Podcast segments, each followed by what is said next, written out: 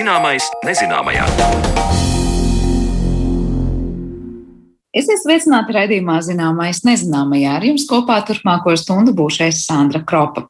Šodien mēs parunāsim par vidi, un jau pavisam drīz mēs runāsim par to, ar ko gan atšķirās, piemēram, krupis no vārdas un dažādas citas interesantas jautājumas risināsim, bet raidījuma otrajā pusē palūkosimies uz naudu un vidi.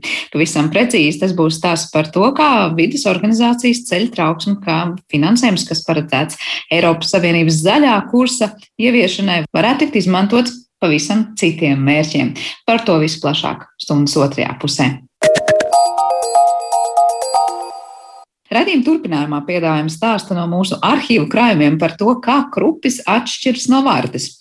Par vardēm, krupjiem un par trīs abnieku sugām, kuras nav ne vardes, ne krupji, un to, kā izklausās šo dzīvnieku balsis. Tūdaļ stāstīs, un to balsis atdarinās Latgales zooloģiskā dārza vadītājs Mihails Pupiņš. Uz pirmo jautājumu atbilde ir īsa un vienkārša. Vārdi ir glūta, mitra, drusku līdzīga āda. Ja tas ir krupis, āda ir sausa, grubļaina, nu, teiksim, pēc pieskariena nepilīt piekokam, nav līdzīga. Tas ir krupis bet tālāk bioloģijas doktors un Latgales zooloģiskā dārza vadītājs Mihails Pupiņš stāsta par minēto abinieku sugu atšķirībām. Kā viņš teica, matemātika ir vienkārša. Ir trīs vārdas krupi, kas nav ne vārdas, ne krupi, uguns krupis, vāršu krupis un koku vārdē. Ir trīs krupi, kas ir īstie krupi, tātad smulš krupis, zaļais krupis un parastais krupis. Un ir divas sugas brunas vārdas, un grupa, ko var saukt par zaļiem vārdiem, kas sastāv no divām pussugām - dike vārdē, ezera vārdē un zaļa vārdē kā hibrīda. Tāpēc turpmākajās minūtēs palūkosim, kā tad atšķirt šos kurkstētājus pēc to izskatu un vokālajām īpašībām. Mihails Pupiņš sāk skaidrojumu par tiem neparastākajiem abiniekiem, kas pēc viņa vārdiem, pēc taksonomiskā iedalījuma nav ne vārdes, ne krupji. Tātad kokvardes, sarkanvēdera ugunskrupis un varškrupis. Jāatvainojas, ka atkal telefoniski rakstītā intervija tehniski vietām neatbilst labai kvalitātei, tāpēc pārstāstīšu speciālistu teikto. Sarkanvēdera ugunskrupis, kā nosaukums liecina, šim nelielajam abiniekam pavēderi ir spilgti oranža vai sarkana ar melniem plankumiem un baltiem punktiem. Briesmu gadījumā dzīvnieks izriež dēlnas un pēdas augšup, izliec muguru, tā ka plankumiņi kļūst redzami. Viņš var pat apmesties augšpēdus un demonstrēt plankumus, tādējādi brīdinot par savu indīgumu, jo sarkanvēdera ugunskrupjādā ir izvietoti dziedzeri, kas briesmu brīdī izdala putojošu un kairinošu vielu, lai atvairītu tos, kas noskatījuši šo krupi savai maltītei. Interesanti ir arī krupja dziesma, un to es ļaušu izpildīt Mihailam Pupiņam.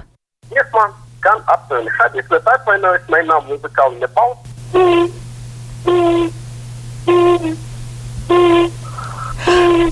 Tā dzied pavasaros ugunsgrupi tēviņi, ja? Jā, kad tur ir daudz, tad produkta dziesma tā pārklājas.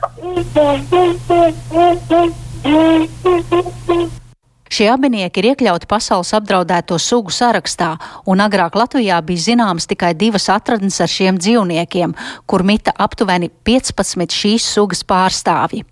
Pateicoties Mihaila Pupiņa un viņa kolēģu rūpēm, ugunsgrupju populācija ir atjaunojusies un nostiprinājusies. Un pašlaik ar ugunsgrupiem es diezgan labi Latvijā. Vismaz, nu, kā zināmas, ir sešas lielas populācijas, lielas tas ir vairāk par simt ipekņiem, un ļoti daudz vietējas mazas populācijas, tur pat desmit ipekņi, kas dzīvo kāda konkrēta edīgi, jau vairāk par 150. Tātad viss kārtībā, Latvija izdevās šo sugu atjaunot, ja nekāds slikts nenotiks, es domāju, viss būs ar mums grupu Latvijā. Nu, principā Latvija dzīvo viss tālāk uz ziemeļiem, uz populācija, ja? Mēs esam tie, kas ļauj pasargāt, aizsargāt visu Eiropas ugunsgrēku populāciju. Ja Latvija šis dzīvnieks izzudīs, tas nozīmē, ka visai Eiropai samazināsies areāls. Tātad, viss kārtībā, mēs turpinām savu darbu ar ugunsgrēkiem. Otrs dzīvnieks, kas taksonomiski tā simtprocentīgi nav pieskaitāms vardēm, Mihaila Pupiņa vārdiem runājot, ir kokvarde. Šis dzīvnieciņš savulaik Latvijā bija teju izmiris. Tas bija rets abinieks mūsu dabā jau kopš 18. gadsimta otrās puses, un 19. gadsimtā bebru iznīdēšana un intensīva lauksaimniecības zemju ierīkošana pazudināja arī kokvārdes bet savulaik, pateicoties Jurim Zvirgzdam, kurš bija Eiropas kokvaržu reintrodukcijas projekta vadītājs un 1988. gadā izlaida pirmo nebrīvē izaudzēto Eiropas kokvaržu mazuļu grupu, tagad šo varžu kori var atkal dzirdēt gan plašā lejas kurzemes teritorijā, gan arī ārpus tās. Tā ir neliela auguma, koši zaļu muguru, kas atkarībā no temperatūras un mitruma daudzuma šo zaļo krāsu maina no tumšāks uz gaišāku, un vardei pirkstu galos ir piesūcekņi, ar kuru palīdzību dzīvnieks spēj pārvietoties pa zariem un lapām. Iesmā, nu, ar dziesmu man tas pagrūti, bet aptuveni, atkal atvainojos.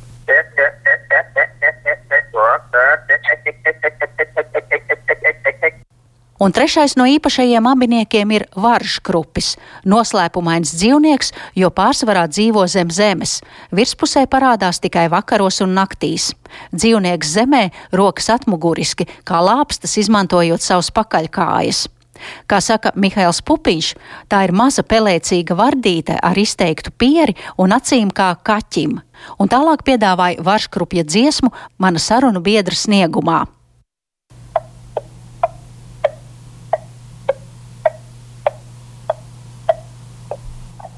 Tik tālu par tiem, kas nav ne vārdas, ne krupji, bet turpinājumā īsts pārskats par pārējiem abiniekiem Latvijā. No krupjiem te mīt smilšu krupis, rets un aizsargājams dzīvnieks, grumbainu ādu un pāri mugurkaulam tam iet dzeltenīga svītra. Un tāda ir viņa dziesma. Dziesma skan, nu tā kā jūs gribat uzgriezt to ot vecu pulksteni. Un te ir oriģināls.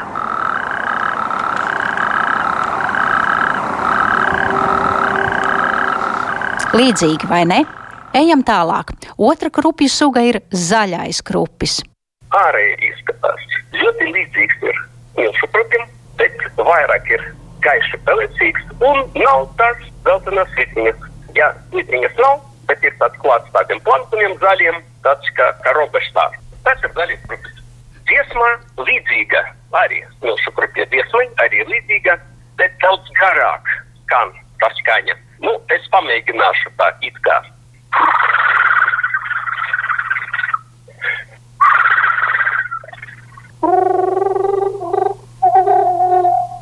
Un trešais šīs dzimtas pārstāvis ir parastais krupis. Kā teica Mihails Pupiņš, ja atrodat kādu krāsu gammā no olīvu zaļas līdz brūngani iepelēkai, sausu, grumbuļainu ādu bez svītrām un plankumiem, tad tas ir parastais krupis. Dziesma nu, diezgan man pagrūtīja. Man tas skan, nu, pat nezinu kā. Nu, aptuveni šādi. Par citu jau vietu. Izplatīts pa visu Latviju, tas grupas jau vietu.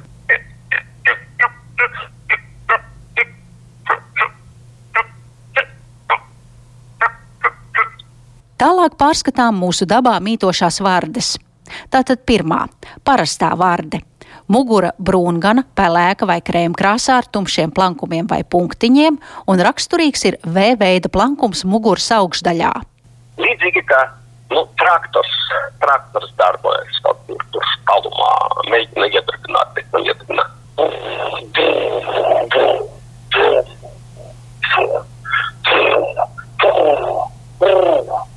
Līdzīga šai vārdei ir purva vārde, un tikai vērīgs speciālists pēc neliela plankumiņa pie dzīvnieka acis var atšķirt šos abus dzīvniekus. Un te atkal varžu dziesmas.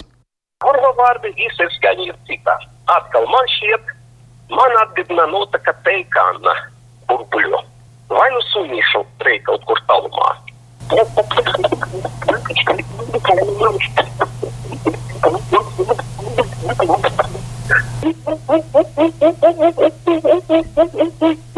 Palika trešā suga, kas nav suga.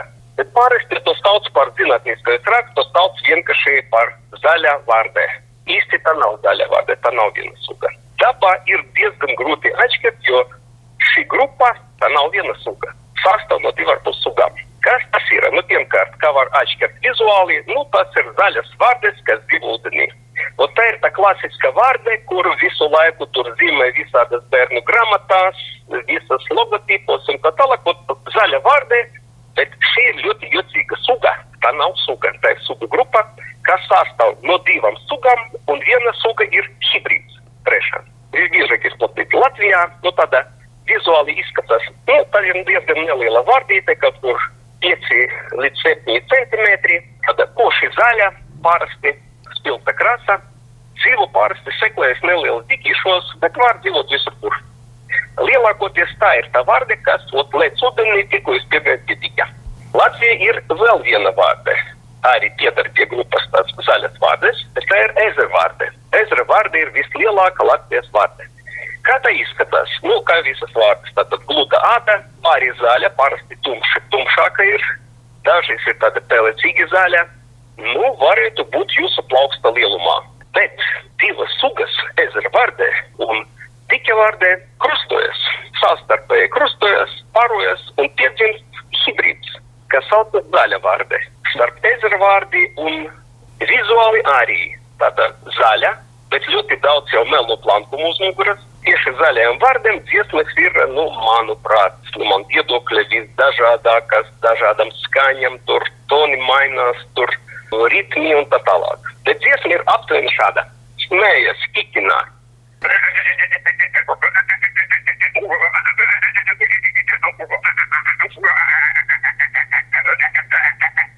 Tāds lūk bija ieskats varžu un krupju pasaulē Mihaila Pupiņa sniegumā, un nobeigumā speciālists vēl piebilst, ja kādam no jums gadās dabā dzirdēt tos retākos pieminētos abiniekus, tad par to droši varat ziņot dabas speciālistiem. Par vardēm un krupiem un to atšķirībām stāstīja Latgales zooloģiskā dārza vadītājs Mihails Pupiņš.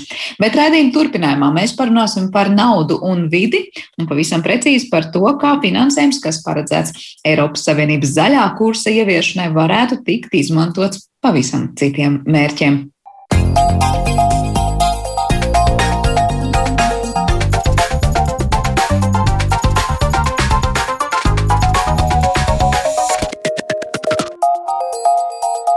Zināmais nezināmajā. Šobrīd Latvijā politiķi un dažādas organizācijas diskutē par topošo atveseļošanas un notrības mehānismu finansējumu Latvijai. Darbs pie tā vēl turpinās, taču vidas organizācijas ceļ trauksmi par to, ka pašreizējā redakcijā finansējums varētu tikt izmantots neatbilstoši tā mērķiem. Par iemesliem un bažām tad nu saruna arī mūsu raidījuma turpinājumā, jo attālinātajā studijā uz sarunu esam aicinājuši Pasaules dabas fonda Latvijas direktoru Jānu Rozīti, biedrības Zaļā brīvība valdes priekšsēdētāju un Latvijas universitātes pētnieku pētnieku Jānu Brīsku, kā arī Latvijas dabas fonda padomas locekli Ingu Rečīnsku. Labdien! Labdien! Sveiki! Pirms gada Pasaules dabas fonds, es zinu, ka visam noteikti piedalījās un rakstīja ieteikumus šī atvesaļošanai. Uz ko bija vērsti to laiku šie ieteikumi, un vai šobrīd, skatoties uz to situāciju, kāda tā ir tagad, nu ir tā sajūta, ka ieteicām vienu, bet tā situācija tiek, kā saka, pagriezt mazliet citādāk. Jānim Rozītim, tāpēc varbūt pirmais jautājums, kas ir tas, kas šobrīd īsti ir saskatāms un par ko būtu jā, jābūt tādiem bažīgiem? Nu jā, laikam jau jāsāk ar to. Varbūt eh, mums tā saruna var aiziet ļoti tādās detaļās, un, un tiešām gribētos varbūt tādu lielo skatījumu. Uh, jo varbūt arī klausītāji, šīs dienas raidījuma klausītāji, varbūt nav tik ļoti iedziļinājušies visā tajā kontekstā. Nu, es gribētu teikt, uh, ka nu, pēdējie jau pieci gadi Eiropā ir bijuši ir pilni izaicinājumu un diskusiju par klimatu un vidas jautājumiem.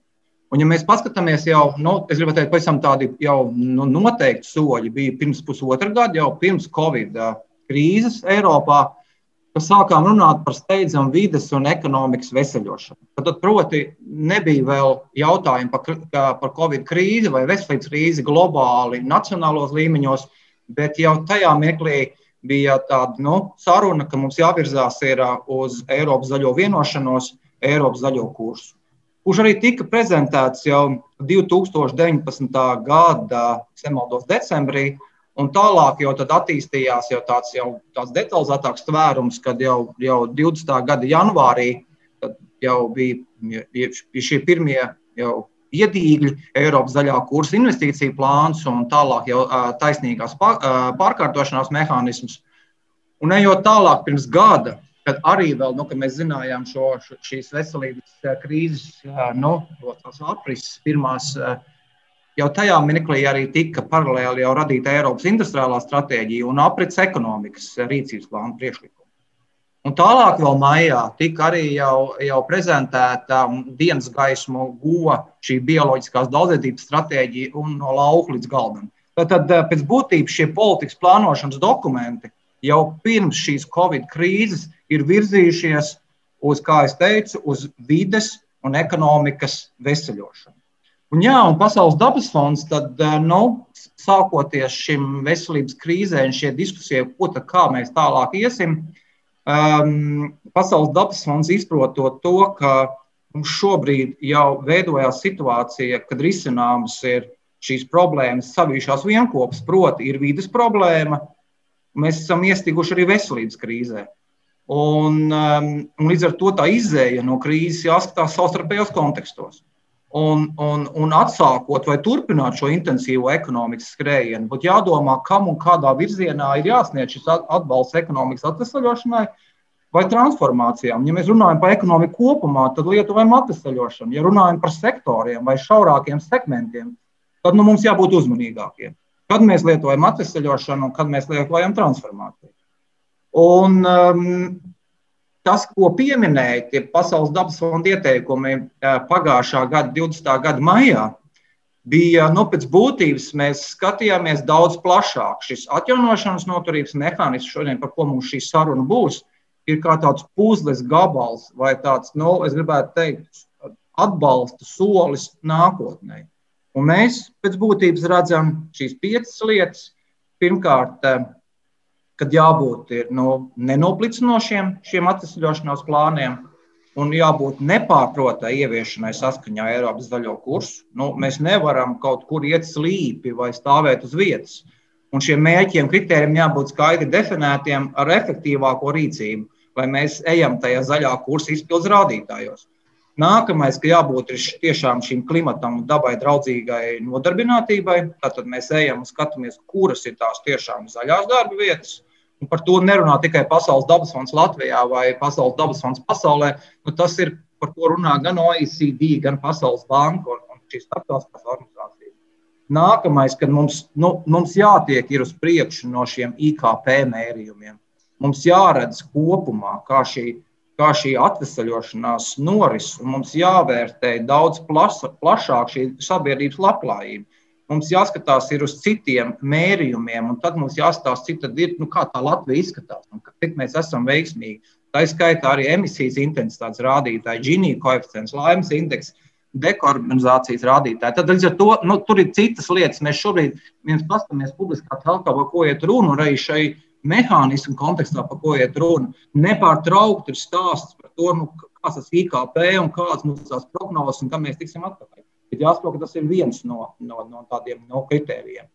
Un vēl, protams, ka visā šajā atvesļošanās procesā, un arī tur jau ir iedīgļi kaut kur, atsevišķi restorāti to paceļ dienas gaismā par vidas standartiem. Nu, mēs nevaram nevienu vidas standartu vai politikas, um, nu, politikas, politikas kaut kādu plakni šo, uh, mazināt šo stingrību.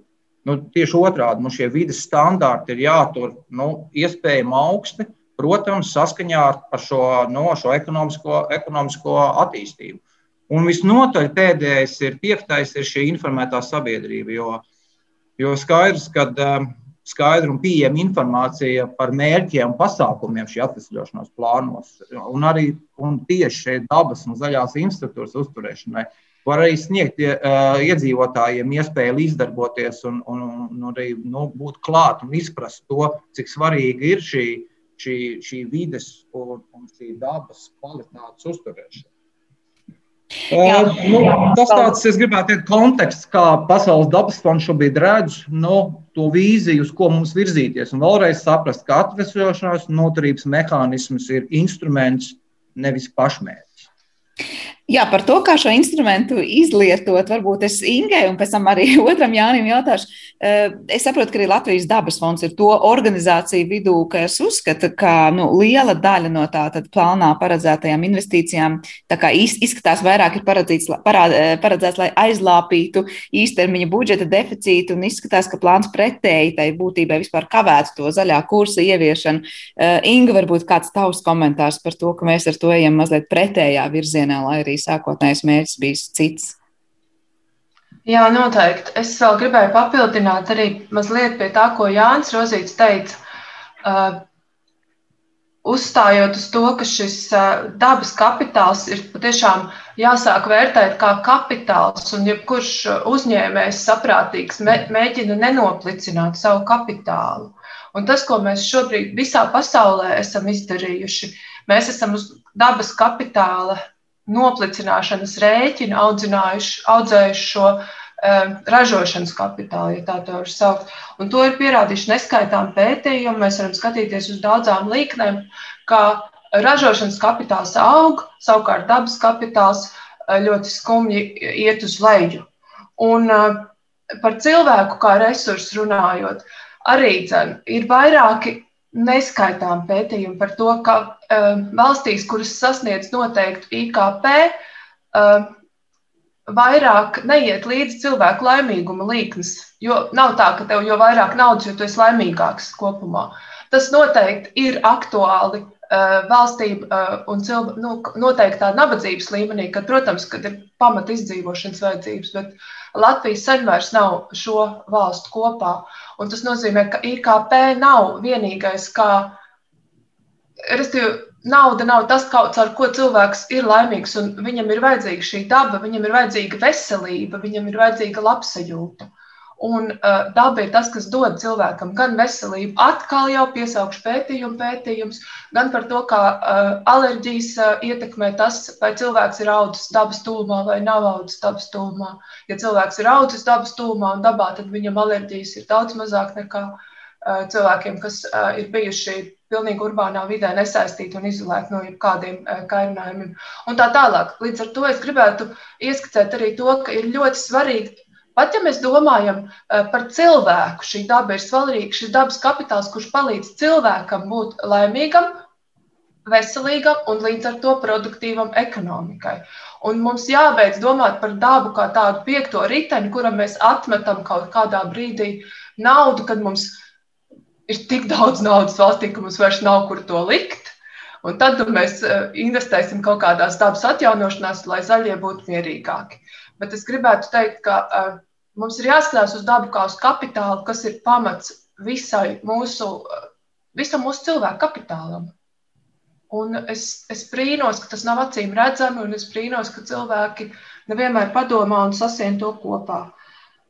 Nu, jā, un līdz ar to um, runājot par pasākumiem, kas būtu jāiekļauj atvesļošanas un noturības plānā, uh, mēs runājam par dabas atjaunošanas pasākumiem, par jebkuriem pasākumiem, kas palīdzētu dabai, um, kas palīdzētu dabai izdzīvot šajā laikā, kad mums ir bioloģiskās daudzveidības krīze un ka mēs turpinām par spīti visiem brīdinājumu saucieniem noplicināt šo savu dabas resursu līdz kaut kādiem nu jau lūzuma punktiem.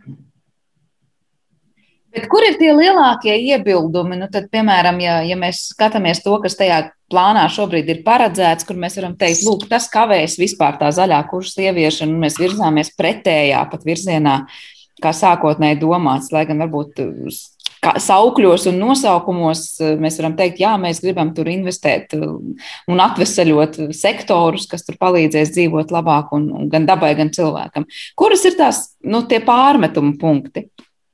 Jā, nu, principā mums ir galvenais ir tas, ka mums principā plānā vispār nav nekādu pasākumu, kas ir tieši vai, mērķēti uz uh, bioloģiskās daudzveidības saglabāšanu un atjaunošanu. Savukārt par, uh, par to, kādi pasākumi ir iekļauti un kādi pret tiem mums ir konkrēti iebildumi, tur es domāju, ka uh, viens no Jāņiem var pat labāk pastāstīt, jo tur nu, mēs ļoti detalizēti iedziļinājāmies šajās lietās. Bet, uh, Tas, ko mēs no Latvijas dabas fonda puses šobrīd sakām, ka vispār plānā ir jāiekļauj pasākumi, kas būtu uz dabu mērķēti, jo šobrīd plānā tādu nav vispār. Mm, paldies, nu, Jānis. Varbūt, Es, Jānis Rozīts, es vēl gribēju papildināt Ingu, tikai pavisam tādu, varbūt tūt Jānis jau pieskarsies tieši konkrētāk jau pie tiem klimata jautājumiem. Bet tas skatījums, kas mums ir, ka iespējams, ka šiem vides jautājumiem, pat mēs redzam to, ka tiem jābūt tikai horizontāliem jautājumiem. Un ja mēs redzam, ka mums sāk finanšu resursi, nu, kāds sāk teikt, ka mums tās vajadzības ir, bet tie finanšu resursi mums nav tik pietiekami, tad mums ir jāsaprot, ka visam šim atjaunošanās noturības mehānismam, nonākot pie šī konkrētā instrumenta, mums jāvijās cauri ir tai vides sadaļai, kā horizontālai um, nu, vērtībai. Un, ja mēs nonāksim tālāk pie šīm pakotnēm, šie noturības mehānismā ir sešas pakotnes, tad jāstāsta, vai arī tās savstarpēji saliedēt šīs pakotnes strādā tiem lielajiem mērķiem. Jā, paldies. Tiešām parunāsim par to, kā tās ir savstarpēji saistītas, bet varbūt Jānis Brīsgam vispirms došu iespēju izteikties par tikko dzirdēto un to redzējumu arī no zaļās brīvības puses.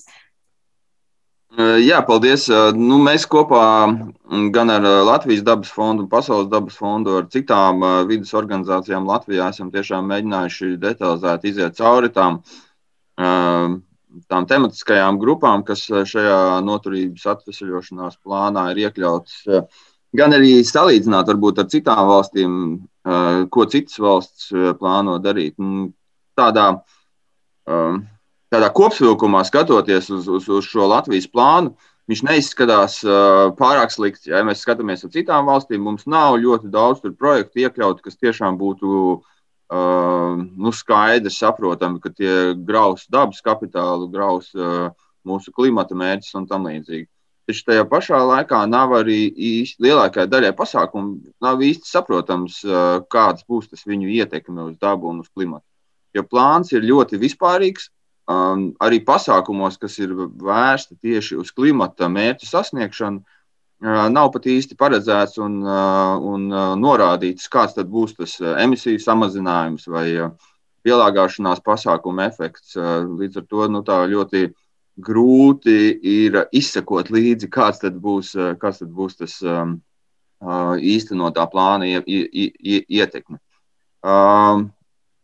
ja skatās uz to mērķi, kāpēc vispār šis fonds ir veidots, nu viens no tiem galvenajiem uzdevumiem ir nodrošināt nu, no Eiropas Savienības puses.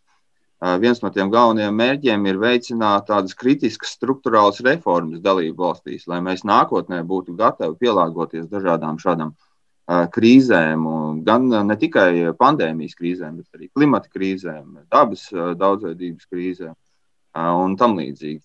Un, uh, mūsu skatījumā šis Latvijas plāns ir ļoti, ļoti tālu no, no šādas uh, struktūrālas reformas. Tas vairāk izskatās pēc tāda iepirkuma saraksta, kur katra ministrija ir salikusi iekšā pasākumus, kurus līdz šim viņi nav spējuši finansēt no citiem fondiem, uh, bet mēs īsti neredzam, uh, kādā veidā šis uh, plāns varētu kaut kādas uh, reformas ieviest. Jo lielākoties tie pasākumi tiešām ir naudas piesaistīts, investīcijas saraksts bet reformas tur, diemžēl, diemžēl izpaliek. Tas ir arī viens no tām mūsu galvenajiem tiem, um, nu, kritikām attiecībā uz šo plānu. Ja runā par kaut kādiem konkrētiem pasākumiem, kas, nu, kam, kas mums rada bažas vai, vai kur mēs piesaistījām savu, savu uzmanību vairāk, Um, viens liels sektors klimata pasākumos ir transports, kur ir diezgan daudz visādas labas iniciatīvas, arī nu, tādas lietas, ko mēs esam tiešām neesam darījuši transporta jomā un kur vajadzētu daudz vairāk darīt. Jo nu, transports ir tas uh, tautsēmniecības uh, nu, sektors, ja, kur uh, mūsu ietekmes uz klimatu visu laiku pieauga. Un, uh, nu, mēs neko īsti līdz šim neesam spējuši izdarīt kā valsts, lai mazinātu šīs transporta radītās emisijas.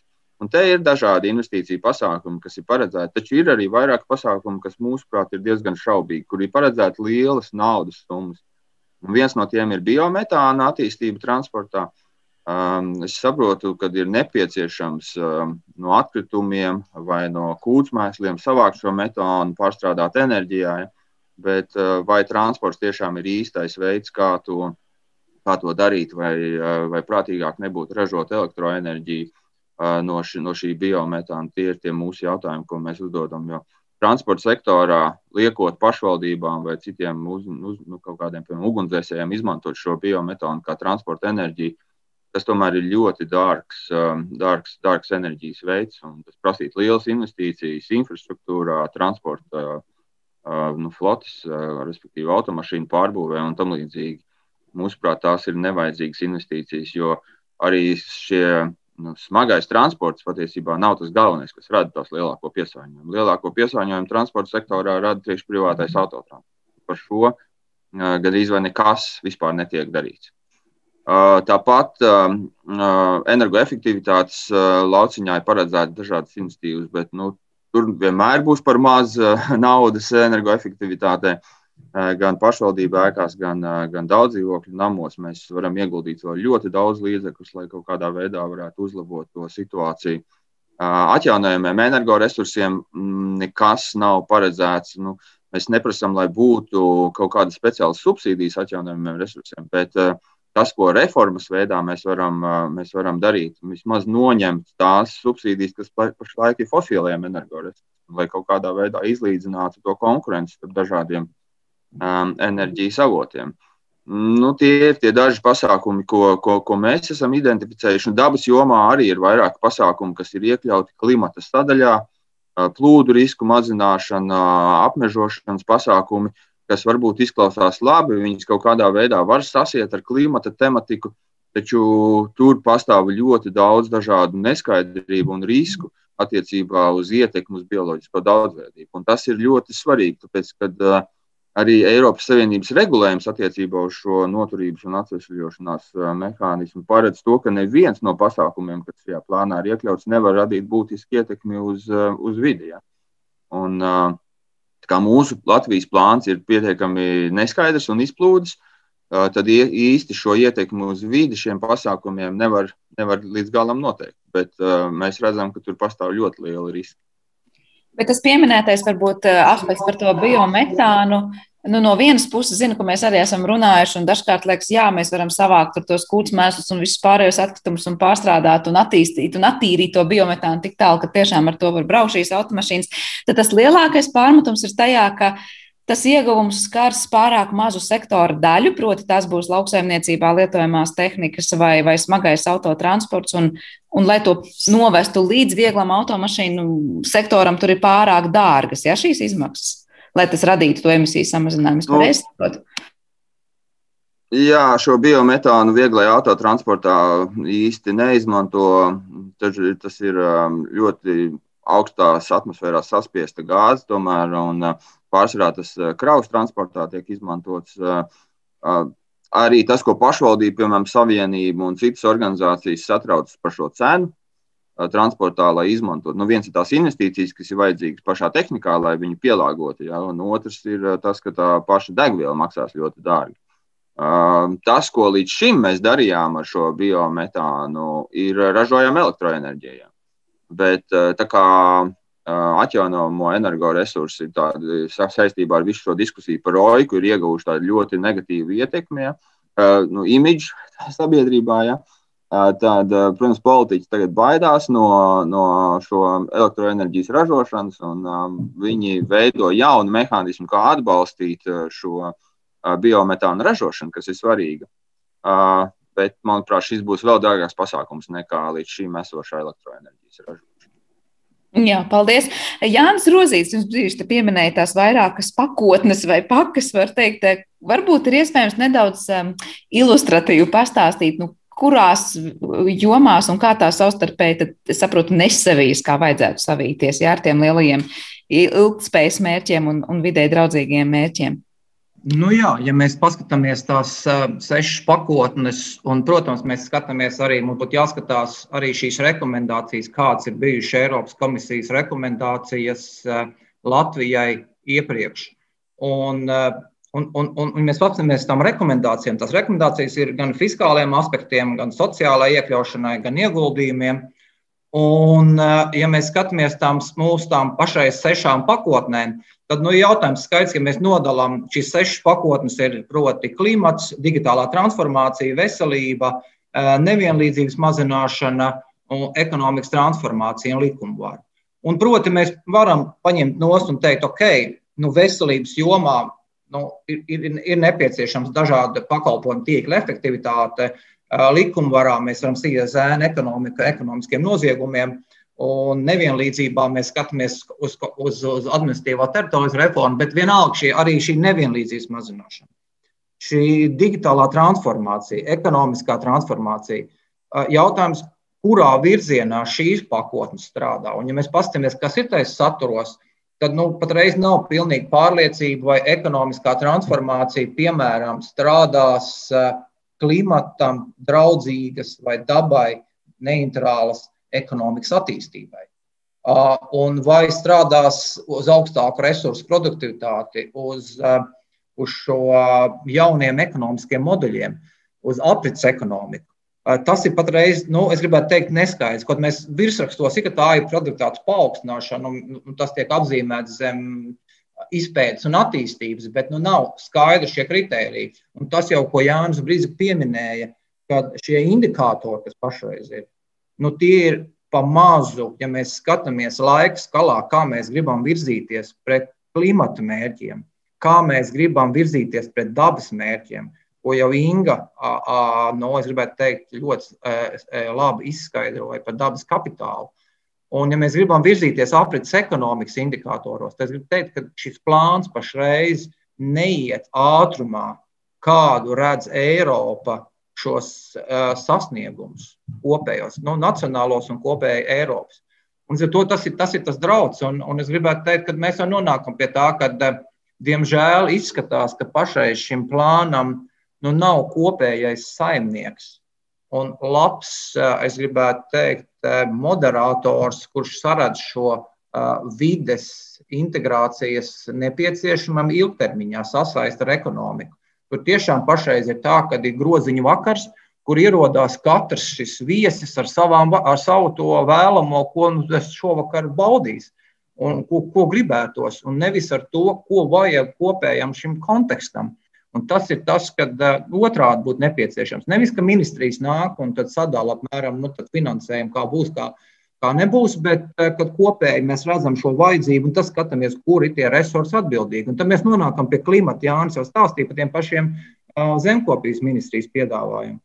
Nu, skaidrs, ka runāt šobrīd par meliorācijas sistēmām, nu, protams, mēs varam runāt par to, ka tas ir pretplūdu pasākums. Tad jāstāsta visā kontekstā. Būs situācijas, kad būs jāatjauno mitras zemes, kas būtu gan no bioloģiskās daudzveidības un dabas kapitāla ļoti nozīmīgi, gan pēc būtības mazināt arī plūdu riskus kādās situācijās. Nākamais, ja mēs runājam par zemju apmež, apmežošanu, apmežošanu, apmežošanu, tad no nu, vidas organizācijas ir nobežījušās par to, vai tas nemazinās bioloģisko zālāju platības, un vai tas neveicinās tādu īsas aprits cikla mežsaimniecības nu, tikai un vienīgi attīstību. Un jautājums, vai šie, šie apmežojumi, piemēram, ir arī pienesums no dabas kapitāla vairošanas, no bioloģiskās daudzveidības nozīmes. Un šie jautājumi jāskatās ir daudz gudrāk, un atkal mūžīgi ietvērtā jaunauģu kopšana zemkopības ministrijas piedāvājumā, kas pēc būtības, nu, es gribētu teikt, tā ir īpašnieka atbildība, jo tas ir nesaprotami, kad kad, eh, kad mums visai sabiedrībai jāsamet nauda tam zemī meža īpašniekam, kas nocirtis meža pailcirtē, izņēmis naudu ārā no īpašuma, un tagad mēs guldam visi kopā atpakaļ nocirstā meža ekonomikas vērtības paaugstināšanai. Ja nacionālā līmenī nolēma, un tas ir Latvijā, protams, nevar nepiekrist, kad mežs mums ir viennozīmīgi svarīgs CO2 piesaistītājs un oglekļa glabātājs, tad, tad, nu, tad caur nacionālo likumdošanu, caur zemes īpašnieku atbildību skatāmies, kā mēs to varam veicināt. Nevis ar publisko naudu mēs ceļam ekonomisko, palīdzam celt ekonomisko vērtību, ko īpašnieks gaida mirkli, kad nocirtīs. Pēc būtības mēs atbalstam kailciešu mežsaimniecību, kas nonāk pretrunā gan šobrīd ar, ar, ar šiem klimata mērķiem, gan kas nonāk pretrunā ar, ar bioloģiskās daudzveidības dabas kapitālu jomā, par ko Inga stāstīja. Jā, par to, ko Inga arī stāstīja, man liekas, ieklausoties arī jūsu abu jāņu teiktajā, liekas, no šajā plānā tiešām tādi īstermiņa varbūt skatījumi tiek varbūt pausti, un, un savukārt ar Ingu jau pirms kādu laiciņu runājām par šo dabas kapitālu un to, ka tiešām pētījumi, kas parāda, nu, ka ir ekonomiski pat neizdevīgi neinvestēt dabā un nesaudzēt to, var teikt, ka šis ir tāds strupceļa skatījums uz to, kā attīstīsim, nezinu, lietas. Pēc būtības šobrīd tas, tas pats virsraksts ir vadlīnijās Eiropas komisijā, kad atjaunošanas notrības mehānismu jāfokusējās uz ilgtermiņa ekonomikas transformāciju. Tad mums ir jāredz, kas ir izaicinājumi, kas būs nu, vismaz 7, 10, 15, 20 gadu laikā, un mēs ejam to ceļu, nevis mēs ejam kaut kādu uh, nu, blakus virzienu. Jā, paldies. Varbūt noslēdzot šo sarunu komentāru no, no gan Jāņa Brīskas, gan Ingas. Es gribētu dzirdēt arī par to, nu, kā jūs redzat, labi, šobrīd izskatās vairākiem īstermiņa nekā ilgtermiņa redzējumā, bet ko tālāk darīt? Un, un vai salīdzinot ar citām valstīm, mēs tā kā varam kaut kā laikus pagriezt vēl to, to kuģi mazliet citā virzienā vai nē? Inga? Nu. Mēs, mēs uzskatām, ka saruna vēl nav beigusies, jo šobrīd šis plāns ir saskaņo, tiek saskaņots ar Eiropas komisiju. Mēs zinām arī, ka Eiropas komisijai šis plāns nešķiet pietiekami labs, un viņi lūdz Latvijai uzlabojumus. Tāpēc mēs turpināsim uzstāt uz šiem argumentiem, ko mēs šodien izklāstījām. Mēs turpināsim cīnīties par to, lai plāns ir daudz strateģiskāks un patiešām daudz noderīgāks mums visiem nekā esošā versija. Un, tad arī redzēsim. Jā, tā kā diskusijas vēl nav galā. Jāni Brīsga, ar kādu skatījumu varbūt redz šo situāciju?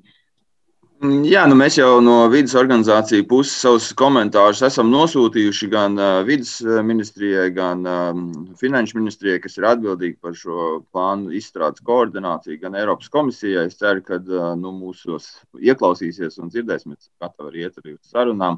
Man liekas, kas arī tajā ieviešanas stadijā, plānā vēl līdz galam nav skaidrs, ir kādā veidā tad tiks uzraudzīts to izvirzīto mērķu sasniegšana un, un, un, un novērtēts, kā mēs virzamies. Jo man liekas, tas arī ir ļoti svarīgi. Nepietiek vienkārši to, ka mēs sarakstam sarakstu ar lietām, ko mēs gribam izdarīt. Mums tomēr kaut kādā veidā ir jānovērtē, kā, kā, kā tas tiks darīts. Un šeit arī pašlaik pietrūkst jebkāda šo dabas, klimata mērķu, tāds nu, monitorings, uzraudzība tajā ieviešanas stadijā. Es domāju, tas arī būtu svarīgs mehānisms, nu, kādā veidā pārliecināties, ka tie pasākumi, kas tiek ieviesti, neiet pretrunā ar tiem ilgtermiņa dabas kapitāla uzdevumiem, mērķiem un, un vidas, vidas politikas kopējiem uzstādījumiem. Jā, nu paldies. Es ceru, ka tiešām šos labojumus izdosies veikt un kļūdas novērst, un tas skatījums būs daudz pilnīgāks, un, un tiešām mūsu plānu izstrādātāji un politikas veidotāji ieklausīsies tajā, ko saka nevalstiskās organizācijas. Teikšu jums lielu paldies par šo sarunu un atgādināšu klausītājiem, ka šajā raidījuma pusstundā mēs dzirdējām Pasaules dabas fonda Latvijā direktoru Jānu Rozīti, biedrības Zaļā brīvība valsts priekšsēdētāju un Latvijas universitātes pētnieku Jānu Brīsgu, kā arī Latvijas dabas fonda padomas locekli Ingu Račīnsku.